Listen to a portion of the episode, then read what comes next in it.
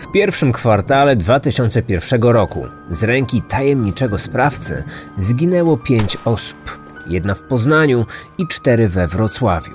Ofiary zostały zastrzelone z zimną krwią we własnych mieszkaniach z pistoletu maszynowego typu Skorpion. Choć policja nie miała żadnych wiarygodnych tropów, domyślano się, że wszystkich tych zbrodni dokonał jeden człowiek seryjny sprawca. Gdy sprawa utknęła w martwym punkcie, zdesperowani śledczy zaczęli liczyć na jakiś cud. I taki cud wkrótce się wydarzył. Reklama. Zanim przejdziemy do omówienia historii, którą przygotowałem, chciałbym Wam przedstawić naszego dzisiejszego partnera, a jest nim Viaplay, platforma, która Cię rozumie. To właśnie tam możemy już oglądać nowy kryminalny serial dokumentalny o słynnych sprawach z naszego podwórka. Tytuł serii to Tajemnice polskich morderstw. Pierwsze trzy odcinki są już dostępne w serwisie, a kolejne epizody będą trafiać na platformę co piątek. Nie zabraknie tam wypowiedzi ekspertów, śledczych i szczegółów śledztw, które pozwolą nam na analizę każdego przypadku. Przygotujcie się więc na najmroczniejsze polskie zbrodnie w nowym świetle. Tajemnice polskich morderstw obejrzycie wyłącznie na platformie Viaplay. Każdy odcinek to inna sprawa, a jednej z nich już za moment przyjrzymy się w tym podcaście. Kryminatorium. Otwieramy akta tajemnic. 18-letnia Sylwia wynajmowała swoje mieszkanie przy ulicy Głogowskiej w Poznaniu od niedawna. Na pozór wydawała się dość miłą młodą kobietą, a mimo to pozostali mieszkańcy traktowali ją z wyraźną rezerwą. Oczywiście, gdy mówiła im dzień dobry, grzecznie odpowiadali z uśmiechem na ustach. Może nawet ją lubili, bo przecież zawsze była w stosunku do nich miła. Lecz kiedy tylko zniknęła, za drzwiami ludzie zaczynali na jej temat plotkować. Bacznie przyglądali jej się wszyscy. Mężczyźni głównie zwracali uwagę na jej urodę i modne stroje, które nosiła. Kobiety na fakt, że choć Sylwia mieszkała sama, praktycznie nie było dnia, w zasadzie wieczoru, w którym nie odwiedziłby jej jakiś nieznany im mężczyzna. I choć niektóre twarze już rozpoznawali, to wciąż do drzwi osiemnastolatki pukał ktoś nowy. Młodsi, starsi, sami, z kolegą. Niektórzy wychodzili od niej po nie więcej niż godzinie. Inni zostawali do samego rana. Dość szybko dla większości mieszkańców klatki stało się jasne, że młoda dziewczyna pracowała jako prostytutka. Nic więc dziwnego, że od pewnego czasu to właśnie ten temat poruszany był najczęściej w sąsiedzkich rozmowach. Sylwia zdawała się w ogóle nie przejmować kąśliwymi uwagami wygłaszanymi tuż za jej plecami podobnie jak prośbami o uszanowanie ciszy nocnej. Ludzie często skarżyli się na zbyt głośną muzykę, która dobiegała o późnych porach z jej mieszkania. Gdy ktoś zwrócił jej dyskretnie uwagę, przepraszała i obiecywała, że podobna sytuacja już się nie powtórzy, ale się powtarzała i to dość regularnie. Dlatego nikt na początku nie reagował, gdy w późny wtorkowy wieczór z mieszkania osiemnastolatki dobiegł dźwięk głośno grającego telewizora. Znowu ma tych swoich gości. Pomrukiwali pod nosem niezadowoleni sąsiedzi, nie mogący z tego powodu zasnąć. Liczyli jednak na to, że ta impreza szybko się skończy i do bloku przy ulicy Głogowskiej wróci spokój. Dlatego nikt nie zdecydował się tamtej nocy na powiadomienie policji o zakłóceniu ciszy nocnej przez młodą lokatorkę i jej gości. Tymczasem minęły kolejne godziny, a sytuacja nie uległa zmianie. Wstający rano do pracy sąsiedzi Sylwii nadal słyszeli głośne dźwięki. U jednych dobiegały za ścian, u innych spod podłogi lub z nad sufitu. Tak nie może być, pomyśleli zapewne niektórzy mieszkańcy, zanim postanowili utworzyć doraźną straż obywatelską. Niedługo później kilka wyraźnie niewyspanych osób zebrało się pod drzwiami mieszkania osiemnastoletniej sąsiadki. Pukali do drzwi, prosili, by otworzyła. Nic, zero odzewu. Tylko ten przeklęty telewizor z głośnością ustawioną na maksymalną wartość wciąż nie chciał zamilknąć. A może coś jej się stało? Może wydarzył się jakiś wypadek i dziewczyna leżała teraz nieprzytomna? Przecież nigdy wcześniej podobna sytuacja nie miała miejsca. Owszem, zdarzało jej się kończyć imprezy nad ranem, ale tym razem nic nie wskazywało na to, aby ktokolwiek był w jej mieszkaniu. Jeszcze przez chwilę sąsiedzi nasłuchiwali uważnie pod drzwiami. Nie usłyszeli jednak niczego poza telewizorem. Żadnych kroków, żadnych rozmów. Wtedy zapadła szybka decyzja. Najwyższy czas zadzwonić na policję. Do bloku przy ulicy Głogowskiej wysłano patrol składający się z dwóch funkcjonariuszy. Gdy przybyli na miejsce, kobieta im także nie otworzyła, choć głośno dali jej do zrozumienia, że są z policji. Szarpnęli za klamkę, ale drzwi były zamknięte na klucz. Wtedy policjanci postanowili, że dostaną się do środka siłą. Było już widno, gdy sforsowali drzwi.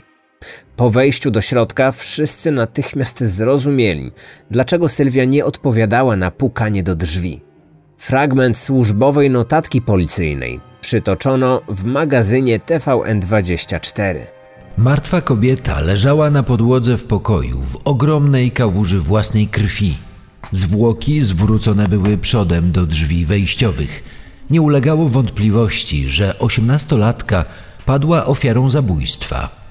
Na jej ciele znajdowały się dwie rany postrzałowe. Jedna kula przebiła jej pierś, druga trafiła w tył głowy, zabijając ją na miejscu. Wyglądało to tak, jakby sprawca dokonał na tej kobiecie egzekucji. Tuż nad jej głową znajdował się włączony telewizor z dźwiękiem ustawionym na cały regulator. Na miejscu zbrodni szybko pojawili się śledczy z Wydziału Kryminalnego. Mieszkanie nie było splądrowane, więc nic nie wskazywało na to, że w mieszkaniu doszło do zbrodni na tle rabunkowym. Jeśli coś zginęło, nikt nie potrafił wskazać, co konkretnie. Sekcja zwłok nie wykazała, aby przed śmiercią ofiara stoczyła z napastnikiem jakąkolwiek walkę. Nie broniła się, nie próbowała uciekać. Zabójca najpierw strzelił jej w klatkę piersiową, gdy stała zwrócona twarzą do niego. Upadła na podłogę, ale wciąż żyła. Wtedy padł drugi strzał, tym razem śmiertelny, w tył głowy. Zupełnie jakby to była egzekucja. Oba strzały oddano z pistoletu maszynowego typu Skorpion, produkcji jeszcze czechosłowackiej. Tylko kto mógłby wydać taki wyrok na młodą prostytutkę? Przesłuchano sąsiadów Sylwii. Jak to czasami bywa w takich sytuacjach, nikt nie słyszał niczego podejrzanego. Oczywiście poza głośno grającym telewizorem. Nikt niczego niepokojącego też nie widział. W ostatnim czasie mijali na klatce schodowej nieznanych im mężczyzn, ale to nie była dla nich żadna nowość. Do niej przecież ciągle ktoś nowy przychodził. Już nawet nie zwracali uwagi na ich twarze. Zeznania sąsiadów nie okazały się specjalnie pomocne i nie pchnęły rozpoczętego śledztwa na jakiś obiecujący trop. Gdy śledczy próbowali ustalić, dlaczego w Poznaniu zastrzelono 18-letnią dziewczynę w wynajmowanym przez nią mieszkaniu, trzy dni później we Wrocławiu doszło do dość podobnej zbrodni popełnionej na prostytutce. Tylko ofiar było łącznie dwa razy więcej. Na podłodze mieszkania w bloku przy ulicy Piłsudskiego odkryto zwłoki pary – 33-letnia Lesja pochodziła z Ukrainy. W Polsce mieszkała od kilku lat i trudniła się nierządem. Razem z nią zginął 29-letni Polak. W toku śledztwa ustalono, że mężczyzna był nie tylko jej partnerem, ale także zawodowym opiekunem. Martwa para leżała w kuchni, choć ślady krwi wskazywały, że oboje zostali zastrzeleni w dużym pokoju. Tuż po ich śmierci sprawca przeciągnął ciała do sąsiedniego pomieszczenia. Kobieta miała pięć ran postrzałowych, jej partner trzy. Badania balistyczne wykazały, że narzędziem zbrodni był pistolet maszynowy typu Skorpion. Dodatkowo mężczyzna otrzymał przed śmiercią kilka ciosów nożem. Wszystkie strzały oddano z bliskiej odległości, zupełnie jakby to była egzekucja. Gdy policjanci zjawili się na miejscu, w mieszkaniu wciąż grał telewizor, podobnie jak trzy dni wcześniej w Poznaniu. Jego głośność ustawiona była na maksymalną wartość. Tutaj też przesłuchiwani sąsiedzi nie pomogli śledczym. Tylko jedna starsza pani zeznała, że poprzedniego wieczoru słyszała nietypowe dźwięki dobiegające z mieszkania ofiar. Tak jakby ktoś przesuwał po podłodze ciężki przedmiot. Wydawało jej się nawet, że słyszy odgłos wystrzału. Pomyślała jednak, że to strzały w filmie, w telewizorze, który tamtego wieczoru grał u Ukrainki wyjątkowo głośno. Po dokładnym sprawdzeniu okazało się, że mieszkanie ofiar od dawna pełniło rolę agencji towarzyskiej. Podobno klientów nigdy nie brakowało. Już na samym początku śledztwa wykluczono, że podobieństwa pomiędzy tymi dwiema zbrodniami, dokonanymi w dwóch różnych miastach, nie mogą być przypadkowe. Wszystko wskazywało na to, że popełnił je ten sam sprawca. A kto nim był? Czy to możliwe, że obie kobiety oraz opiekun jednej z nich stali się ofiarami jakiejś wojny gangów zajmujących się prostytucją? A może w Polsce zaczął działać seryjny zabójca, atakujący swoje ofiary w ich własnym mieszkaniu? Coraz bardziej byliśmy skłonni uwierzyć, że to ta druga odpowiedź może być znacznie bardziej prawdopodobna. Tym bardziej, że miesiąc później tajemniczy morderca powrócił i znowu zaatakował. Na miejsce swojej kolejnej zbrodni ponownie wybrał Wrocław. Metoda działania pozostała ta sama. Zmieniły się tylko profesje wykonywane przez jego ofiary. Jan K. oraz jego żona Barbara zamierzali wynająć należące do nich mieszkanie w jednym z bloków na wrocławskim osiedlu Kuźniki. W lokalnej prasie zamieścili stosowne ogłoszenie. Na pierwszy telefon nie musieli czekać zbyt długo. Małżeństwo umówiło się z potencjalnym lokatorem, aby mógł on sobie w spokoju przyjść i obejrzeć to świeżo wyremontowane oraz w pełni umeblowane mieszkanie. Tego dnia na ulicę Majkowskiego Jan i Barbara udali się razem, krótko przed południem. Swoim najbliższym zapowiedzieli, że wrócą do domu na obiad. Nie wrócili już nigdy. Po kilku godzinach zaniepokojona rodzina zaczęła ich szukać. Małżeństwo zostało odnalezione w przygotowanym do wynajęcia mieszkaniu. Leżeli na podłodze, w pokoju gościnnym. Oboje nie żyli, a tuż nad ich zakrwawionymi głowami bardzo głośno grał włączony telewizor. Został postrzelony czterokrotnie z pistoletu maszynowego typu Skorpion. Świadczyły o tym łuski pozostawione na miejscu zbrodni. Do jego żony nieznany zabójca oddał sześć strzałów z tej samej broni.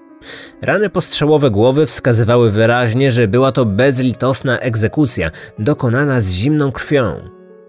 Śledczy już wtedy przeczuwali, że wszystkie te zabójstwa mogły być dziełem seryjnego mordercy, jako że wszystkie dotychczasowe ofiary ogłaszały się w lokalnej prasie. Co prawda, rodzaj oferowanych przez nich usług był diametralnie różny, ale nie zmieniało to faktu, że potencjalny sprawca mógł nawiązać z nimi kontakt właśnie przez numer telefonu podany w ogłoszeniu. Policjanci wkrótce zaczęli nazywać poszukiwanego zabójcę skorpionem, od typu broni, którą zastrzelono wszystkie ofiary. Taki pseudonim podchwycą później polskie dzienniki, ale w pierwszej połowie marca 2001 roku jeszcze żaden z reporterów nawet się nie domyślał, że pomiędzy Poznaniem a Wrocławiem grasował groźny seryjny zabójca. Co więcej, wrocławscy dziennikarze zajmujący się pisaniem artykułów do rubryk kryminalnych mieli swoją własną teorię związaną z zabójstwem małżeństwa K. Dzień później w jednej z gazet ukazał się krótki tekst informujący czytelników o tej makabrycznej zbrodni. Nieznani sprawcy zamordowali w sobotnią noc we Wrocławiu małżeństwo. 47-letnia JK i 52-letni AK zostali zastrzeleni na osiedlu Kuźnica. Na miejscu zbrodni nie znaleziono żadnych śladów włamania czy walki. Mieszkanie ofiar nie zostało splądrowane. Według jednej z hipotez małżeństwo miało wynajmować swoje mieszkanie jednemu z dolnośląskich gangsterów. To właśnie bandyta miał być celem zamachu. Autor tego tekstu nie podał źródła, z których pochodziły opublikowane informacje. Prawdopodobnie dlatego, że wszystko sobie wymyślił. W artykule nie zgadzało się praktycznie nic poza miejscem dokonania zabójstwa.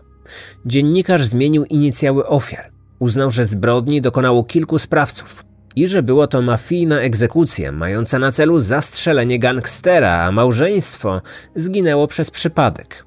Jeśli podczas pisania artykułu dziennikarz skorzystał z usług swojego tajnego informatora, to najwyraźniej został przez niego zrobiony w balona, ponieważ policyjni śledczy akurat takiej hipotezy nigdy nie brali pod uwagę. Od samego początku było dla nich jasne, że mieli do czynienia z zupełnie innym szaleńcem. Niezwykle groźnym i znacznie bardziej nieobliczalnym niż mafijni egzekutorzy. Najbardziej przerażające dla nich było to, że jeśli szybko nie zostanie on namierzony i schwytany, to z całą pewnością wkrótce zaatakuje ponownie. Rodziło się tylko pytanie: gdzie? Pozostanie we Wrocławiu? Wróci do Poznania? A może przeniesie się do zupełnie innego miasta? Na razie nie wiedzieli o Skorpionie niczego poza tym, jakiej broni używa. Jak wygląda, skąd pochodzi, ile ma lat, czym się przemieszcza, jaki ma motyw.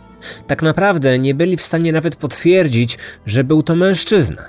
Przecież ważącym mniej niż 1,5 kg pistoletem maszynowym typu Skorpion równie dobrze mogła się posługiwać wprawiona w zabijaniu kobieta. Ci mniej optymistyczni śledczy byli nawet przekonani, że nie pozostawiający po sobie żadnych śladów zabójca jeszcze długo pozostanie nieuchwytny i że zanim go złapią, zginie jeszcze wiele osób. Śledztwo tkwiło w martwym punkcie, a wszystko wskazywało na to, że tylko prawdziwy cud może to zmienić. Wtedy jeszcze nie wiedzieli, że już za kilka dni nastąpi taki właśnie cud a mówiąc bardziej przyziemnie, nieoczekiwany zbieg okoliczności, który dziś moglibyśmy chyba nawet nazwać najbardziej szczęśliwym zbiegiem okoliczności w Polsce pierwszych miesięcy XXI wieku. W środowe popołudnie 21 marca 2001 roku na jednym z wrocławskich skrzyżowań doszło do dość niegroźnie wyglądającej kolizji drogowej. Jadący zbyt szybko duży Fiat wymusił pierwszeństwo i po chwili w jego bok uderzył Polones. Winny tej kolizji kierowca Fiata 125P nie zamierzał jednak czekać na przyjazd policjantów z drogówki. Gdy tylko świadkowie tego zdarzenia ruszyli w jego stronę, aby sprawdzić, czy nie potrzebuje on pomocy, wbił bieg i z pistiem opon odjechał. Gdy kilka minut później na miejscu pojawili się policjanci po dużym Fiacie ze zgnieconym bokiem, nie było już śladu. Poszkodowany kierowca Poloneza wskazał policjantom kierunek tej brawurowej ucieczki. Mundurowi natychmiast ruszyli w pościg. Poszukiwany samochód zauważyli już kilka ulic dalej. Przejeżdżał jak gdyby nigdy nic przez jedno z osiedli. Jednak na widok jadącego za nim radiowozu znacznie przyspieszył. Próbując uciec przed policją, kierowca skręcił gwałtownie w lewo. Wjechał pod prąd w ulicę jednokierunkową. Później przez czerwone światło, przez torowisko i chodnik przed osiedlowym sklepem. Po 20 minutach pościgu do policjantów z drogówki uśmiechnęło się szczęście. Wjeżdżając w zamkniętą boczną uliczkę, kierowca obitego dużego Fiata znalazł się w ślepym załuku. Protestował, gdy mundurowi próbowali wyciągnąć go z auta. Kiedy zaczął się z nimi szarpać, bez trudu został obezwładniony i zakuty w kajdanki. Policjanci od razu poczuli od niego woń alkoholu. Po przebadaniu okazało się, że uciekinier miał w wydechanym powietrzu ponad 2,5 promila. Zapytany o nazwisko, niezrozumiale coś wybełkotał. Dodatkowo nie miał przy sobie prawa jazdy. Na szczęście w swoim portfelu miał dowód osobisty. Dzięki temu policjanci mogli bez trudu ustalić jego tożsamość. Miał 36 lat i mieszkał w Wałbrzychu. Postanowiono przewieźć tego pirata drogowego na posterunek. Gdy już zapakowano go na tylne siedzenie radiowozu, policjanci przeszukali jego samochód. Założono, że nietrzeźwość mogła być tylko jednym z powodów jego ucieczki. O tym, że była to dobra decyzja, jeden z policjantów przekonał się zaraz po tym, gdy otworzył bagażnik dużego Fiata. pośród niezliczonej ilości śmieci leżała skórzana teczka. W środku znajdowała się broń palna, pełny magazynek do niej oraz wiele sztuk amunicji wrzuconej do teczki luzem. Podczas przesłuchania zatrzymany mężczyzna nie potrafił powiedzieć, w jakim celu przyjechał do Wrocławia.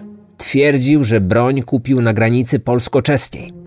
Dokonał tego w obawie o własne bezpieczeństwo, ponieważ kilku złych ludzi od dłuższego czasu groziło jemu i jego rodzinie. Zapewniał przy tym, że ani razu z niej nie strzelał. I tak naprawdę nie wiedział nawet, czy posiadany przez niego pistolet maszynowy jest w ogóle sprawny. Nie uwierzyliśmy w ani jedno jego słowo. Znalezioną przy nim broń oddaliśmy do analizy. Był to pistolet maszynowy typu Skorpion. Przeprowadzone badania balistyczne nie pozostawiły żadnych złudzeń. To właśnie z tej broni zastrzelono jedną kobietę w Poznaniu i dwie pary we Wrocławiu. Ale Krzysztof zaprzeczył, że to on jest poszukiwanym seryjnym zabójcą o pseudonimie Skorpion. Uparcie trzymał się swojej wersji. Owszem, może wypił za dużo i nie powinien wsiadać za kółko. Źle zrobił, że próbował uciekać przed policją. Przyznał się nawet, że już raz siedział w więzieniu za groźby karalne skierowane do jednego z jego dłużników. Ale na tym kończyły się jego grzechy. Już na pewno nie był żadnym zabójcą. Ani pojedynczym, ani tym bardziej seryjnym. Tak, był może mężczyzną po przejściach, ale nie zbrodniarzem. Jednak ślepo wierzyli w jego zapewnienia wyłącznie członkowie jego własnej rodziny. Zarówno jego żona, jak i teściowa przysięgały, że nie był winny, że tak spokojny człowiek nie skrzywdziłby nawet muchy. Próbowały jednocześnie przekonać policjantów, że ewidentnie ktoś próbował go wrobić w te wszystkie zabójstwa. Tymczasem śledczy postanowili prześledzić historię jego życia. Liczyli na to, że poznając przeszłość aresztowanego, trafią na jakiś konkretny trop.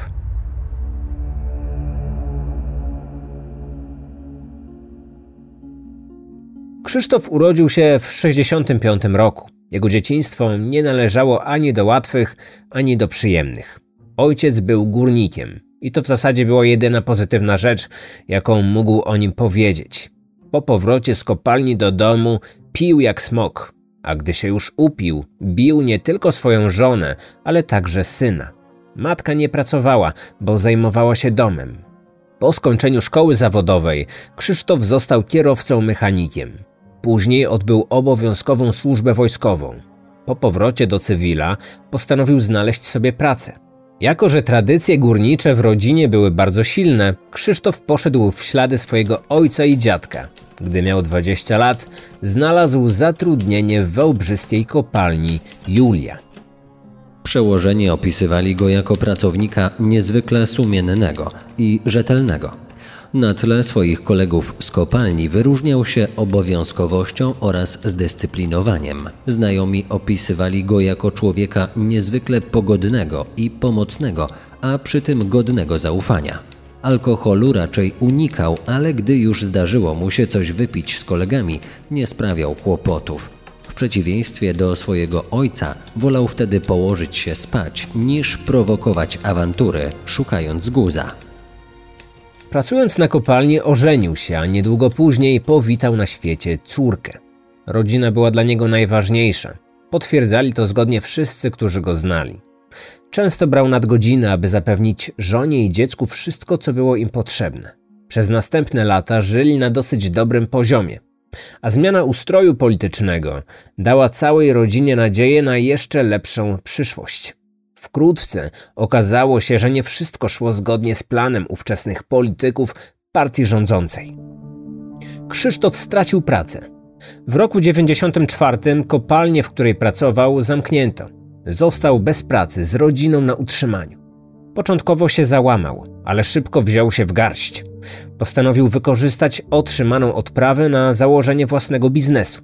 Widział, że niektórym jego kolegom takie rozwiązanie zaczynało przynosić niezłe pieniądze. Dlaczego więc jemu miałoby się nie udać? Postanowił zainwestować w handel stolarką budowlaną.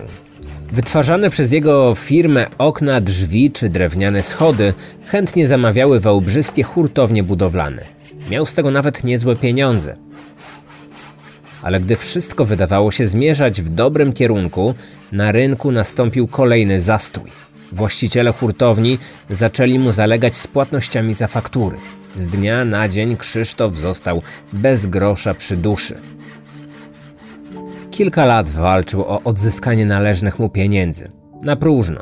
Gdy okazało się, że nie wygra z dłużnikami po dobroci, postanowił walczyć z nimi nielegalnie. Zaczął ich nachodzić. Właścicielom hurtowni groził pobiciem, a czasami nawet śmiercią. Ci zgłosili sprawę na policję. Latem 2000 roku Krzysztof został aresztowany za nękanie oraz groźby karalne. Trafił do więzienia, gdzie spędził 7 miesięcy. Gdy w styczniu następnego roku wyszedł na wolność, był już zupełnie innym człowiekiem. Dwa miesiące później, będąc pod wpływem alkoholu, spowodował kolizję na jednym z wrocławskich skrzyżowań. Został zatrzymany podczas próby ucieczki z miejsca zdarzenia. A że miał przy sobie pistolet maszynowy, z którego zastrzelono pięć osób, Krzysztof został aresztowany pod zarzutem dokonania pięciu zabójstw z premedytacją.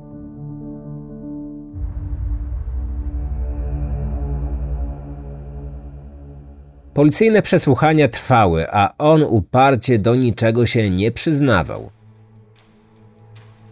W dniach, kiedy popełniono zabójstwa, przebywał poza domem. Jego żona i teściowa zgodnie zeznały, że w ostatnim czasie kilka razy wyjechał do innego miasta. Mówił, że w interesach, choć nie był w stanie udowodnić, gdzie dokładnie przebywał.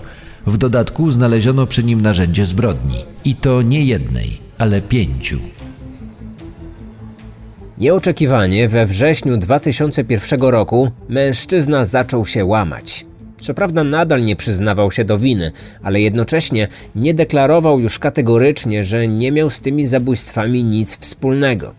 Poprosił o miesiąc czasu, aby naradzić się ze swoim adwokatem i przemyśleć strategię własnej obrony. W tym czasie o seryjnym zabójcy, zwanym Skorpionem, po raz pierwszy napisały polskie media. Kilka tygodni później w sprawie nastąpił długo wyczekiwany przełom. W listopadzie 2001 roku Krzysztof oświadczył, że to właśnie on jest tym skorpionem. Stwierdził jednak, że nie jest żadnym seryjnym zabójcą, ale płatnym zabójcą. Zeznał, że działał w tej branży od trzech lat. Swoje pierwsze zlecenie wykonał w sierpniu 1998 roku. Jego celem miał być ówczesny król przemytu spirytusu, związany z mafią pruszkowską dolnośląski gangster o pseudonimie Carrington. Za jego zabicie Krzysztof miał otrzymać 30 tysięcy złotych. Zamach się jednak nie powiódł, bo choć Carrington wskutek wybuchu bomby trafił ciężko ranny do szpitala, to przeżył. W tym samym czasie Skorpion miał zastrzelić dwóch Białorusinów w Zgorzelcu. Później trafił do więzienia oficjalnie za groźby karalne, choć twierdził, że właściciele hurtowni nie byli jego dłużnikami, że jako gangster zajmował się wtedy ściganiem od nich haraczy. Podczas odbywania wyroku uświadomił sobie, że zabijanie ludzi sprawia mu wielką przyjemność, zwłaszcza patrzenie, jak jego ofiary umierają na jego oczach. To właśnie wtedy postanowił, że w taki sposób będzie zarabiać na utrzymanie rodziny. Gdy wyszedł, oczekiwane przez niego nowe zlecenia nie pojawiły się. Bezrobotny, płatny zabójca postanowił wtedy, że połączy przyjemne z pożytecznym i zacznie wynajmować sam siebie. Nie tylko będzie mógł zaznać rozkoszy zabijania, ale także wzbogacić się, okradając swoje przyszłe ofiary. Opracował swój własny sposób działania i zadbał o to, aby nie zostawiać śladów. 9 stycznia 2001 roku pojechał do Poznania, aby dokonać próbnego zabójstwa, które on sam nazywał później próbą generalną. Chciał sprawdzić, czy wszystko pójdzie zgodnie z planem. W lokalnej gazecie znalazł ogłoszenie młodej prostytutki. Zadzwonił i umówił się na spotkanie. Do jej mieszkania udał się w przebraniu. Założył perukę i okulary. Dokleił też sztuczne wąsy. Udawał, że kuleje na jedną nogę. Będąc już na miejscu, poprosił o możliwość skorzystania z toalety. Tam ze swojej skórzanej teczki wyjął kupiony kilka dni wcześniej pistolet maszynowy typu Skorpion. Na lufę założył tłumik. Gdy skończył przygotowania, wyszedł, trzymając broń za plecami. Osiemnastolatka stała jak wryta, gdy w nią wycelował. Nawet się nie poruszyła, nie krzyczała, nie błagała o życie. Pierwsza kula przebiła jej pierś. Sylwia upadła twarzą do podłogi. Wtedy podszedł i strzelił jej w tył głowy, tak dla pewności. Później przeszukał jej mieszkanie, ale tak, żeby nie było widać śladów plądrowania. Znalazł trochę złotej biżuterii i gotówkę. Następnie, jak gdyby nigdy nic, wyszedł, zamykając drzwi na klucz należący do ofiary. Nikt go nie widział, nikt go nie szukał. O jego zbrodni nie pisano wtedy w gazetach. W telewizji nie pojawił się jego rysopis. Poczuł, że jest bezkarny i nieuchwytny. Wiedział już, że od teraz właśnie tak będzie zarabiać na życie. Trzy dni później zjawił się we Wrocławiu. Sposób jego działania był taki sam. Najpierw ogłoszenie w gazecie, później umówione spotkanie. Na miejscu pojawiły się jednak problemy. Okazało się, że 33-letnia Ukrainka nie była sama. Towarzyszył jej mężczyzna, którego zabójca się nie spodziewał. Ale i z nim dał sobie radę. Gdy wyszedł z toalety uzbrojony w skorpion, zastrzelił ich na miejscu. Wcześniej dźgnął 29-latka kilka razy nożem. Jak zeznał, chciał go w ten sposób zmusić do wskazania ukrytych w mieszkaniu kosztowności. Nie opuścił miejsca zbrodni od razu. Kilka dni wcześniej zamieścił w gazecie ogłoszenie o sprzedaży samochodu po bardzo okazyjnej cenie. Jako swój adres wskazał mieszkanie swoich ofiar. Z kupcem umówił się właśnie na ten dzień. Cierpliwie na niego czekał, kiedy został spłoszony przez pukającą do drzwi kobietę. Była przy tym tak natarczywa, że Krzysztof postanowił się wycofać. Wyskoczył więc z balkonu na pierwszym piętrze. Złapał taksówkę i pociągiem wrócił do Wałbrzycha. Jednak Wrocław spodobał mu się tak bardzo, że to właśnie w tym mieście postanowił kontynuować swoją zbrodniczą działalność. Zamierzał wynająć tam mieszkanie, aby zwabiać tam potencjalne ofiary. Plan był prosty i jego zdaniem genialny. Najpierw musiał jednak wynająć odpowiedni lokal. Upatrzył sobie mieszkanie na ulicy Majkowskiego na wrocławskich Kuźnikach. Właściciele pozwolili mu dokładnie je obejrzeć. Było idealne. Wtedy pojawił się problem. Małżeństwo K nie chciało się zgodzić na to, aby wynajął je tylko na miesiąc.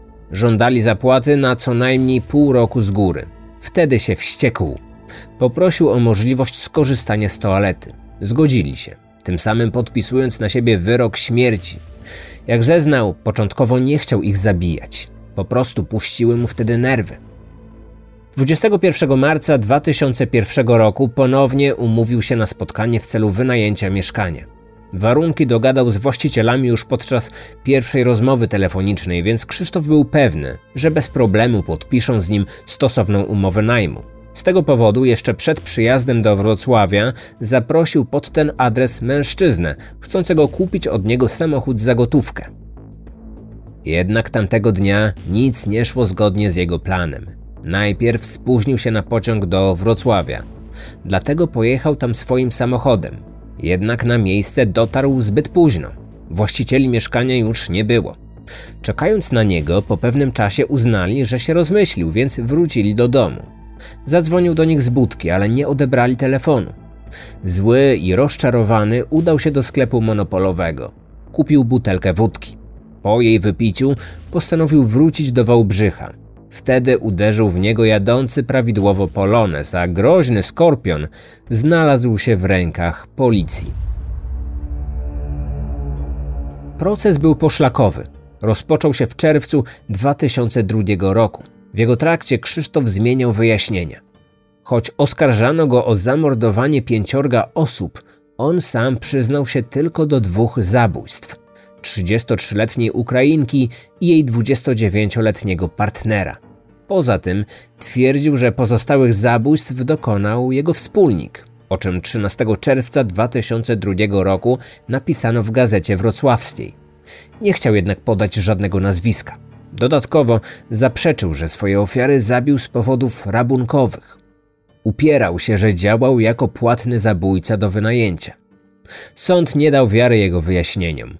Krzysztof został uznany winnym wszystkich zarzucanych mu aktem oskarżenia czynów, czyli pięciu zabójstw z premedytacją. Skazano go na karę dożywotniego pozbawienia wolności. Życie Warszawy przytoczyło słowa sędziego Wiesława Radziewicza, które wypowiedział w trakcie odczytania uzasadnienia wyroku. Oskarżony pięć razy ugodził w najwyższe dobro, jakim bez wątpienia jest ludzkie życie. Zabił pięć niewinnych osób, nie znał ich, nic mu nie zrobiły, a mimo to odebrał im życie z zimną krwią. Ich jedynym błędem było to, że zamieścili ogłoszenie w gazecie, na które odpowiedział ich zabójca. Zdaniem sędziego, społeczeństwo ma prawo oczekiwać, że takie codzienne czynności jak zamieszczanie ogłoszeń w prasie nie będą wiązały się z ryzykiem utraty życia. Dlatego z tego powodu zabójca z ogłoszenia powinien resztę swojego życia spędzić za kratkami. Już po ogłoszeniu wyroku doszło do niecodziennej sytuacji. Obrończyni Krzysztofa chciała wnieść apelację do sądu drugiej instancji, ale jej klient odmówił. Oczywiście podziękował jej za wszystkie starania związane z uratowaniem go przed odsiadką, ale jednocześnie poprosił, aby takiej apelacji nie składała. Oznaczało to, że sam skazany dobrowolnie pozbawił się szansy na zmianę bardzo niekorzystnego dla siebie wyroku. Pomimo takiego kroku, Krzysztof nigdy nie pogodził się z życiem w zamknięciu. Od tamtej pory z więzienia próbował uciec i to dwa razy. Najpierw w 2004 roku, gdy metalową częścią więziennego łóżka niemal udało mu się wydrążyć 30-centymetrowy otwór w ścianie celi. Jego ucieczkę udaremniono w ostatniej chwili. Gdy strażnicy odkryli jego plan, Skorpionowi pozostała tylko jedna cegła do wyciągnięcia. W połowie sierpnia 2021 roku był znacznie bliżej wolności, o czym kilka dni później napisał Andrzej Zwoliński w gazecie wrocławskiej. Używając metalowego płaskownika wyjętego ze swojej pryczy, niezauważony przez strażników wydłubał duży otwór w ścianie, tuż pod zakratowanym oknem. Skorpion wyjął z muru kilka cegieł, a następnie poluzował kratę w celi znajdującej się na pierwszym piętrze więzienia. Z koca sporządził linę zakończoną metalowym hakiem. Dzięki niej miał się przedostać przez więzienny mur. Strażnicy zauważyli go w ostatniej chwili, gdy skorpion już przeciskał się przez okno. Takiej wersji o ucieczce zaprzeczył jednak rzecznik prasowy wrocławskiego więzienia. Jego zdaniem strażnicy bardzo szybko zauważyli próbę wydostania się na wolność tego groźnego mordercy, a następnie błyskawicznie udaremnili mu ucieczkę. Dziś Krzysztof przebywa we więzieniu w Wołowie. O swoje zwolnienie warunkowe będzie się mógł starać dopiero w roku 2051. Jeżeli dożyje do tej chwili, to będzie miał wtedy 86 lat. Podobno jest znacznie lepiej pilnowany niż podczas pierwszych lat odsiadywania dożywotniego wyroku. Czy groźny skorpion mimo wszystko planuje trzecią ucieczkę? Odcinek powstał na podstawie reportażu opublikowanego w magazynie TVN24 oraz doniesień prasowych Gazety Wrocławskiej i Życia Warszawy. Wykorzystano również artykuły opublikowane na portalach Wirtualna Polska w sieci 24.pl, RMF24.pl oraz PAP.